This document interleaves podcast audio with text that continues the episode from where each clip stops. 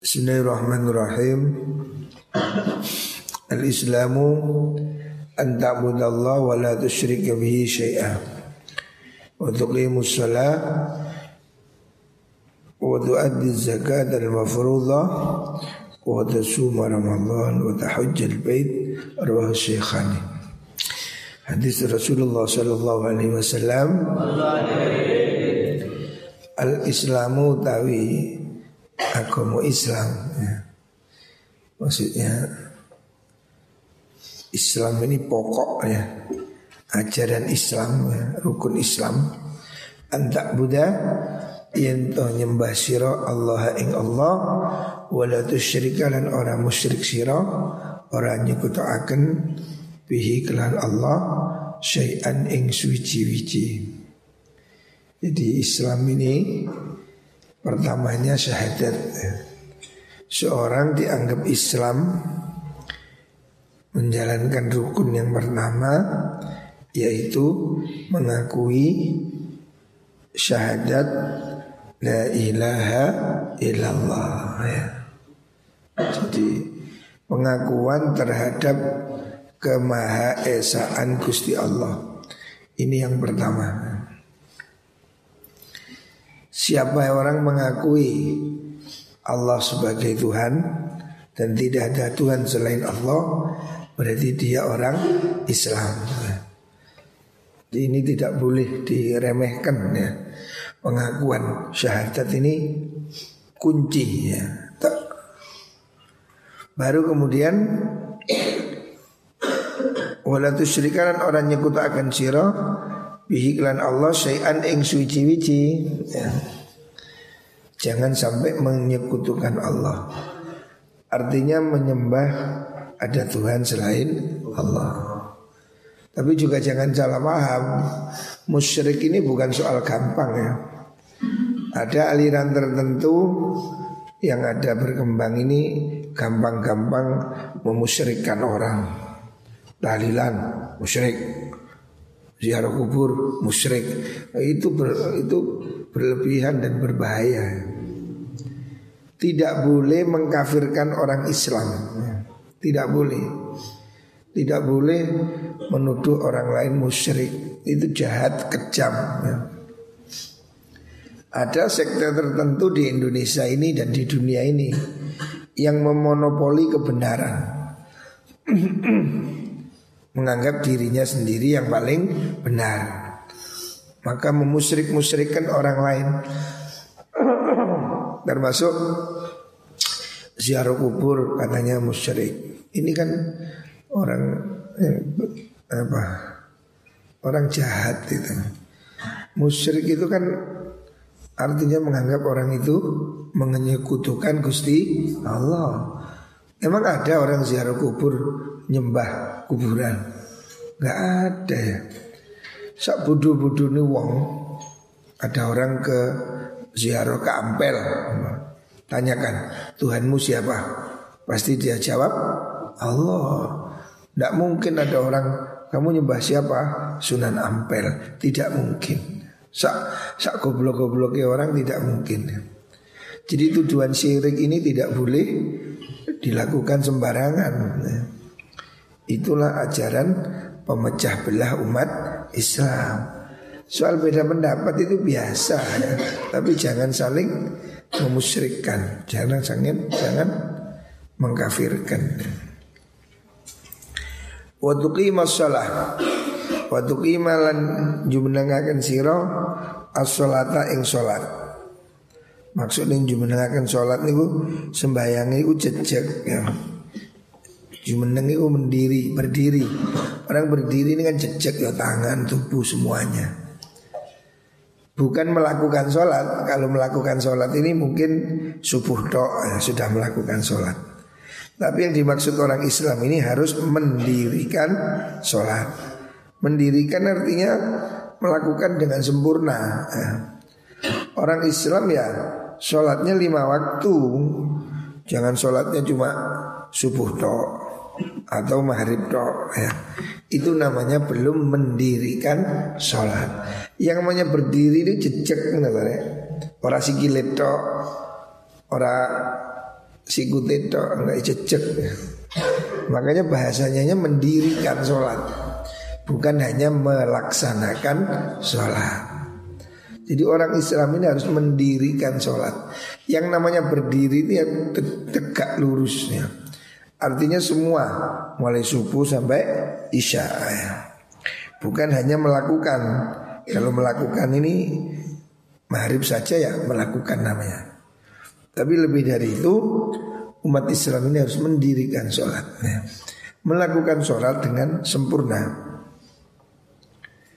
Waktu atilan nekani siro az zakat ing zakat al mafrudhata kang den fardhoaken. Kamu harus melakukan zakat yang diwajibkan. Kalau kamu mampu ya. Zakat ini hanya wajib untuk orang yang mempunyai harta pada ukuran tertentu ya. Makanya dalam zakat itu ada istilah nisab Nisab itu batasan Oh kalau punya emas sekian Kalau nanam padi sekian Ada batasnya Namanya nisab. Ada juga haul. Haul itu masa setahun ya. Masa satu tahun namanya haul. Ada namanya mustahik Yang hak menerima zakat. Jadi zakat itu harta tertentu diambil dari kelompok tertentu dengan batasan tertentu diberikan pada kelompok tertentu. Jadi tidak bisa zakat buat bangun gedung orkes enggak oleh. Zakat ini ada penerimanya sudah ditentukan oleh Allah dalam Al-Qur'an. Lah supaya kita bisa zakat Ya kudu dhuwit rek. Gak duwe dhuwit zakate mbek apa? Artinya ajaran berzakat ini secara tidak langsung kita ini supaya rajin kerja. Jangan cuma minta zakat. Kalau bisa kita ini membayar zakat. Artinya umat Islam ini juga harus kaya. Seandainya yang kaya di Indonesia ini orang Islam semua, zakat semua, tidak ada orang miskin. Ya. Pasti problem sosial ini selesai. Sayangnya dari 10 orang kaya ya, 10 orang terkaya di Indonesia ini mungkin yang muslim cuma dua Yang bayar zakat cuma dua Sedikit masih ya Pengusaha kita yang suksesnya sedikit Makanya saya ini selalu mendorong santri-santri ini harus kaya. Kamu jangan ingin kaya, tapi harus kaya. Ya. Supaya kamu bisa bayar zakat. Kalau kamu miskin, kamu jadi penerima zakat. Lah, kaya itu dari mana? Dari Allah. Caranya ia berdoa dan berusaha. Rasulullah SAW memberikan arahan. Kalau kepingin kaya kata Nabi inna fit tijarati tis'atu a'syari rizki dalam dunia perdagangan itu terdapat 90% rezeki. 90 persen Jadi seandainya rezeki ini 100 Yang 90 itu di bisnis Makanya kanjeng Nabi itu pedagang Nabi kita ini pedagang Nabi lain ada yang penukang Ada yang penjahit ya. Nabi Muhammad SAW Itu profesinya pedagang Kanjeng Nabi itu pedagang Makanya umat Nabi ini harusnya pinter dagang. Dan kesempatan kaya itu ya di perdagangan itu. 90% rezeki itu berputar berputar di bisnis. Kamu lihat orang kaya-kaya di dunia ini. Orang terkaya di dunia ini bukan raja, bukan presiden, bukan dosen. Orang terkaya di dunia ini ya pengusaha-pengusaha itu. Jack Ma, ada lagi siapa Bill Gates, ada lagi Warren Buffett. Orang kaya-kaya itu itu pemilik kelompok bisnis. Benar apa yang dikatakan Rasulullah Shallallahu Alaihi Wasallam. Anjing Nabi juga mengatakan mayoritas rezeki itu dalam usaha. Makanya santri ini kalau bisa jadi pengusaha aja. Jadi pegawai negeri itu pilihan yang paling akhir. Saya ini tidak kepingin jadi pegawai negeri. Dan ayah saya dulu, bapak saya ini dulu pernah jadi pegawai negeri berhenti lebih memilih jadi petani. Jadi pegawai negeri ini ya pilihan yang paling akhir. Kalau semua orang ingin jadi pegawai negeri, lo yo kendi lowongannya tidak ada. Makanya pesantren ini lebih mengarahkan santri ini wirausaha mandiri ya belajar jadi pengusaha enak pengusaha ini lebih fleksibel. Kalau kamu jadi pengusaha, walaupun cilik-cilian, contohnya pengusaha nasi goreng. Nah, nasi goreng kan nggak perlu ijazah, usah perlu ijazah jual nasi goreng minimal SMA, nggak ada. Tapi hasilnya orang jual nasi goreng ini hebat loh. Di Jakarta ini saya dulu kalau malam ini sering makan nasi goreng di kebun sirih. Nasi goreng kambing. Yang datang ya itu warung kaki lima di pinggir jalan. Tapi yang datang ini mobil bisa puluhan, bisa ratusan. Artis-artis makan di situ. Padahal warung kaki lima di ujung gang gitu. Tapi yang datang ini mobil-mobil. Nasi goreng kayak kelas itu ya Bayaran ibu bupati kalah ya Karena orang jual nasi goreng ini untungnya bisa 100% Atau 200% Coba pikiran Mau tetap teh ya Teh segini di warung berapa? Minimal 2000 lah Di warung teh ini 2000 Kalau segini 2000 kamu hitung ongkosnya berapa? Bikin teh satu gelas, ongkosnya paling 500 rupiah. Dijual jadi 2000. Kalau di restoran 5000. Untungnya berapa? 1000 persen. 500 ke 5000 kan 1000 persen 10 kali lipat Luar biasa ya Beda dengan orang jual rokok Rokok satu pak berapa? Mungkin pira, aku sekarang rokokan. Pira sing rokokan itu. Sul pira sul? Hmm. Rokok itu mungkin kalau 15 ribu Untungnya cuma 200 rupiah Jauh dengan jualan minum ini Jadi bisnis ini menjanjikan keuntungan besar Saya punya teman bisnis online aja ya bisnis pakai handphone ini itu satu bulan keuntungannya 30 juta rata-rata. Padahal jadi dosen gajinya paling 5 juta atau 7 juta.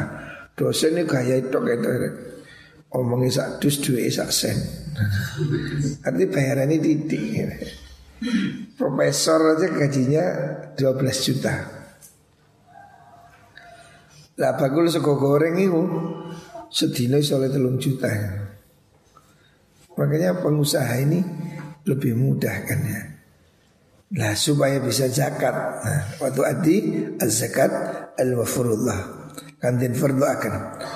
Wata sumalan poso siro poso Ramadan ing bulan Ramadan. Nah, hendaknya kamu puasa Ramadan. Baru saja ya. Muka-muka sih menangi Ramadan tahun depan Wa hijjal baita Wa hijjalan haji sira Al baita ing baitullah Bagi orang yang mampu Wajib naik haji Tapi hari ini naik haji kan antrinya lama. Saya aja daftar anak saya ini tahun 2014. Hari ini belum ada apa-apa. Mungkin bisa naik haji 2030. Jadi sekarang daftar haji bisa 30 tahun ya. Pokoknya turun daftar, mau sembuh. Saya tahun ya. Jadi haji ini semakin apa semakin antrinya luar biasa.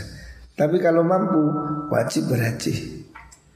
Kalau belum dapat porsi ya tidak apa-apa. Ya yang penting sudah niat. Ya. budale kapan? Tapi umat Islam wajib punya keinginan apabila mampu untuk pergi haji. Hari ini juga haji ditutup ya. Tahun ini mungkin haji ditutup hanya khusus penduduk Mekah karena ancaman virus ini, virus corona. Ya.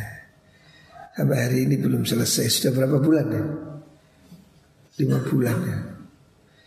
Ya kita mohon pada Allah semoga corona ini segera hilang. Memang kita ini bisa percaya tidak percaya, Rek. Memang nggak kelihatan ya. Virus itu kan sesuatu yang kecil, tidak tampak. Iya lek laler, gitu. Laler, nyamuk. Yang namanya corona kan virus, virus kecil ya, tidak tampak. Tapi orang kena virus ini tidak ada kehebatnya orang Masya Allah Dalam seminggu ini Saya ada teman ini sudah Empat orang meninggal Tidak tahu apa corona atau tidak Tapi betul-betul mencemaskan Jadi korban corona ini betul-betul ada gitu. Orang sekarang kan suka percaya Saya lihat di pasar-pasar orang Tidak pakai masker Tidak pakai apa cuci tangan. Tapi saya ingatkan ya, ini ancaman corona ini nyata. Ojo sembrono. Minggu ini saya sudah kehilangan ada empat orang. Kabarnya corona, covid dan cepat sekali. Sakitnya ini 8 hari meninggal. Hitungannya hari. Mengerikan. Makanya saya minta semua hati-hati. Masker dikai kan itu nanti sih dikai masker. Kan semua sudah dibagi masker. Marah di maskermu kok buah? Jadi buah. Masker dicuci ya. Maskermu itu habis dipakai dicuci pakai lagi gitu lah. Kan sudah saya kasih dua kemarin. Hitam sama merah masih ada biasakan pakai masker apalagi keluar ya kamu jangan jangan sembrono ya. Keluar dari pondok wajib pakai masker. Ini sudah korbannya nyata. Teman-teman saya sendiri sudah ada yang jadi korban. Makanya dua minggu ini dilarang keras keluar dari pondok. Tidak boleh keluar dari lingkungan pondok. Iqbal, nah, jaga di pintu. Jangan boleh ada keluar tidak boleh keluar dari lingkungan pondok ya. Hanya di sini rumah tafid sudah tidak boleh ke kampung, tidak boleh ke luar-luar. Kita tidak tahu rek, mereka kena kena covid atau tidak. Sebab banyak orang yang tidak tidak tampak, tapi dia kena covid. Teman saya yang baru meninggal ini tidak percaya, dia itu tidak percaya covid dan sekarang sudah mati karena itu. Tidak sembrono kan. Kamu lebih baik diam di rumah, diam di pondok daripada diam di rumah sakit ya. Apalagi mati ya, masya Allah. Jangan sembrono ya. Ini sudah saya ini punya teman-teman yang sudah kena covid itu mengerikan ya. Makanya perhatikan semua yang keluar dari pondok ini ada keperluan harus izin dan wajib pakai masker. Terutama yang bahaya, yang kamu tidak nyangka itu uang itu loh. Kamu kan pergi ke warung dapat uang. Lah uang ini kan berputar dari mana-mana, dari pasar, dari tukang ojek, dari tukang parkir. Ini kan terus berpindah-pindah tangan. Ini sumber penularan yang paling berbahaya itu uang. Kamu sudah pakai masker, tapi uang ini kamu beli di pinggir jalan kan dapat uang.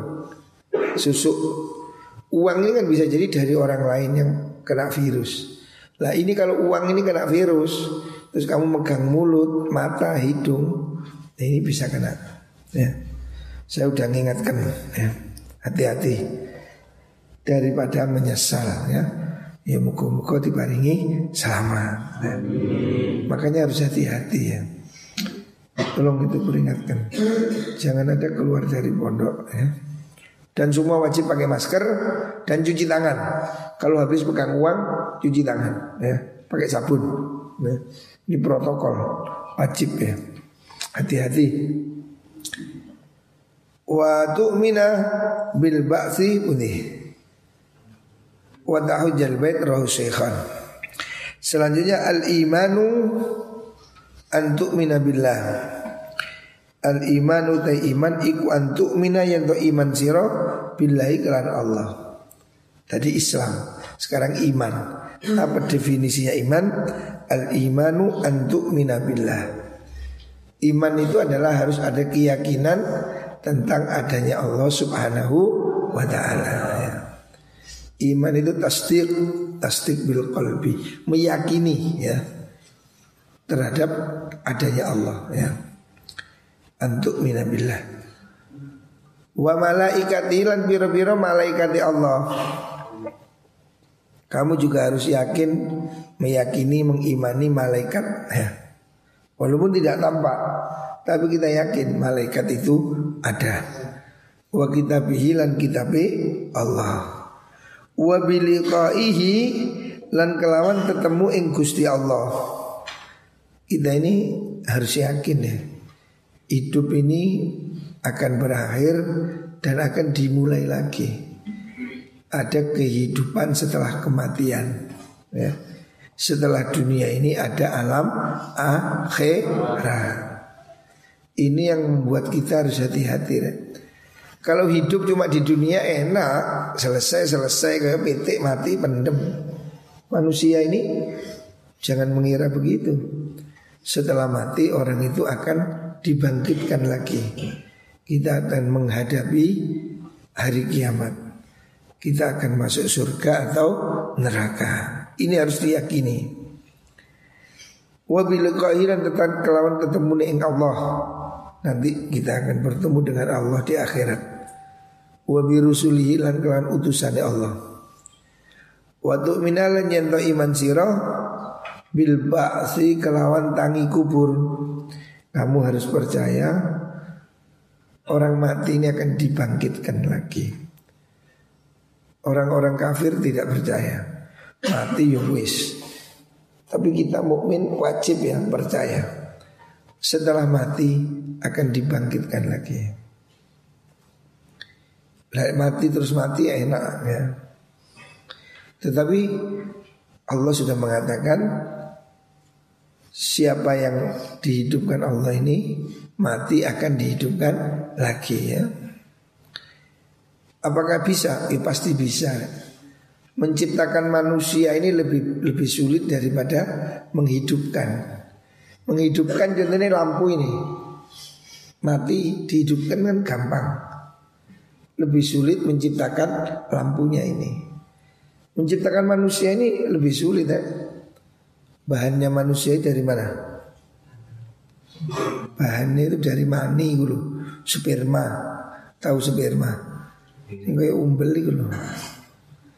Bahannya manusia ini bukan telur. Bahannya manusia ini sperma. Cairan kental mambu, cici. Masa ada orang ada sperma terus ditaruh di pipinya. Ini apa sperma? Kata. Sperma itu seandainya di baju itu pasti ditutupi. Loh, no sperma ditutupi. Tuh, menciptakan manusia dari sperma ini jauh lebih sulit ya. Sperma yang encer bisa jadi manusia segede-gede ini. Ini kan kehebatan ciptaan Allah. Kalau membangkitkan lagi pasti lebih gampang.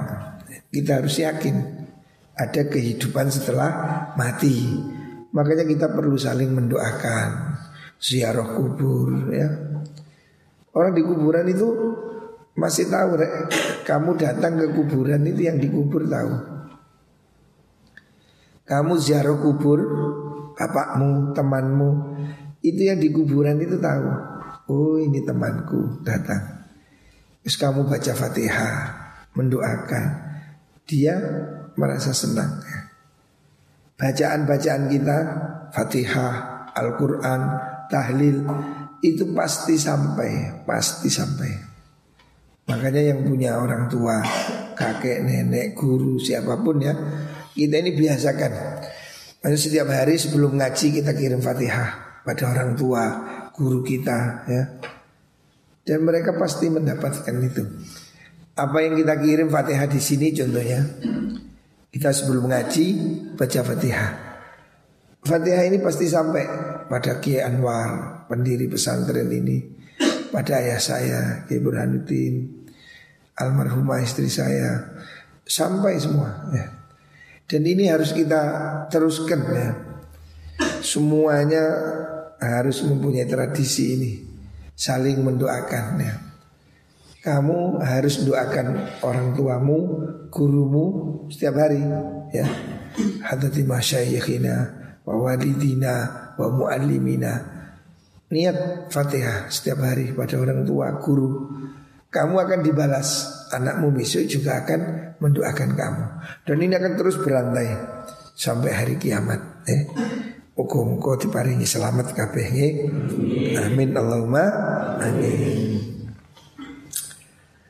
Wa nu'mina bil ba'si kelawan tangi kubur al akhiri kang akhir maksudnya di hari kiamat.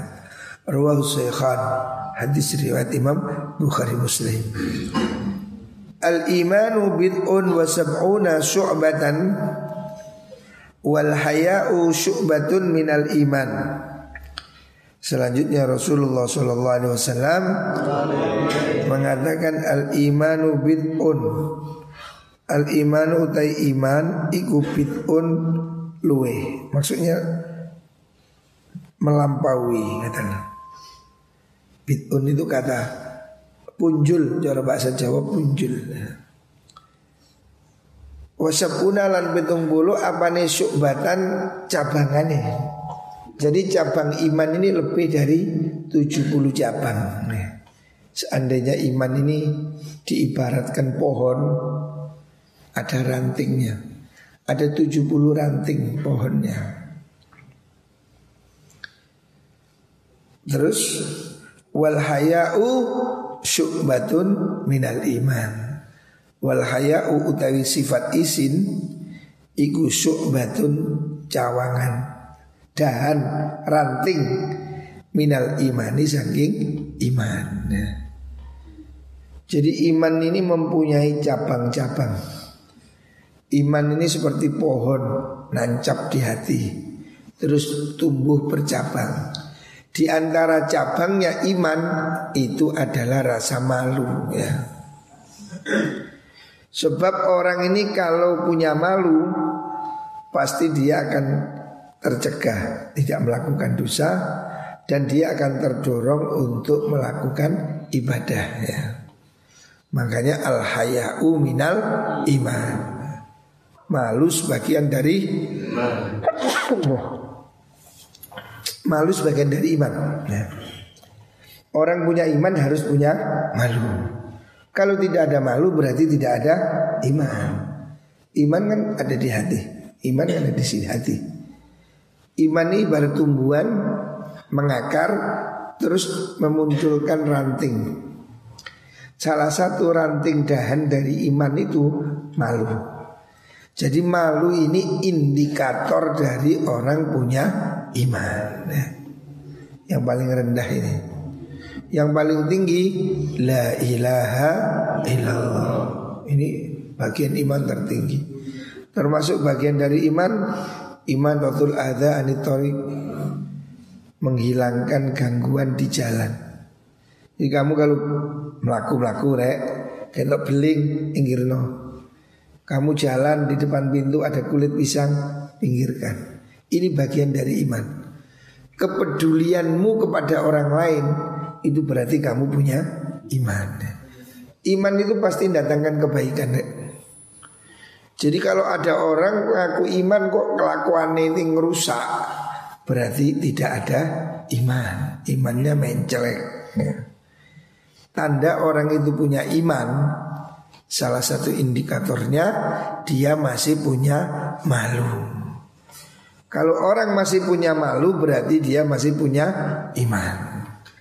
Tapi kalau orang sudah tidak punya malu, nyolong, korupsi, ngentit, ngapusi, ini berarti imannya sudah tidak ada. Naudhu bila. Jadi saya minta semuanya ya. Ayo kita ini berusahalah hidup ya sebaik-baiknya. Kalau belum bisa membantu orang lain, minimal jangan menyakiti orang lain. Ya. Kalau bisa hidupmu bermanfaat, ya. lakukan kebaikan-kebaikan. Apa yang bisa kamu lakukan banyak, ya. ucapan yang baik, ya. sopan santun.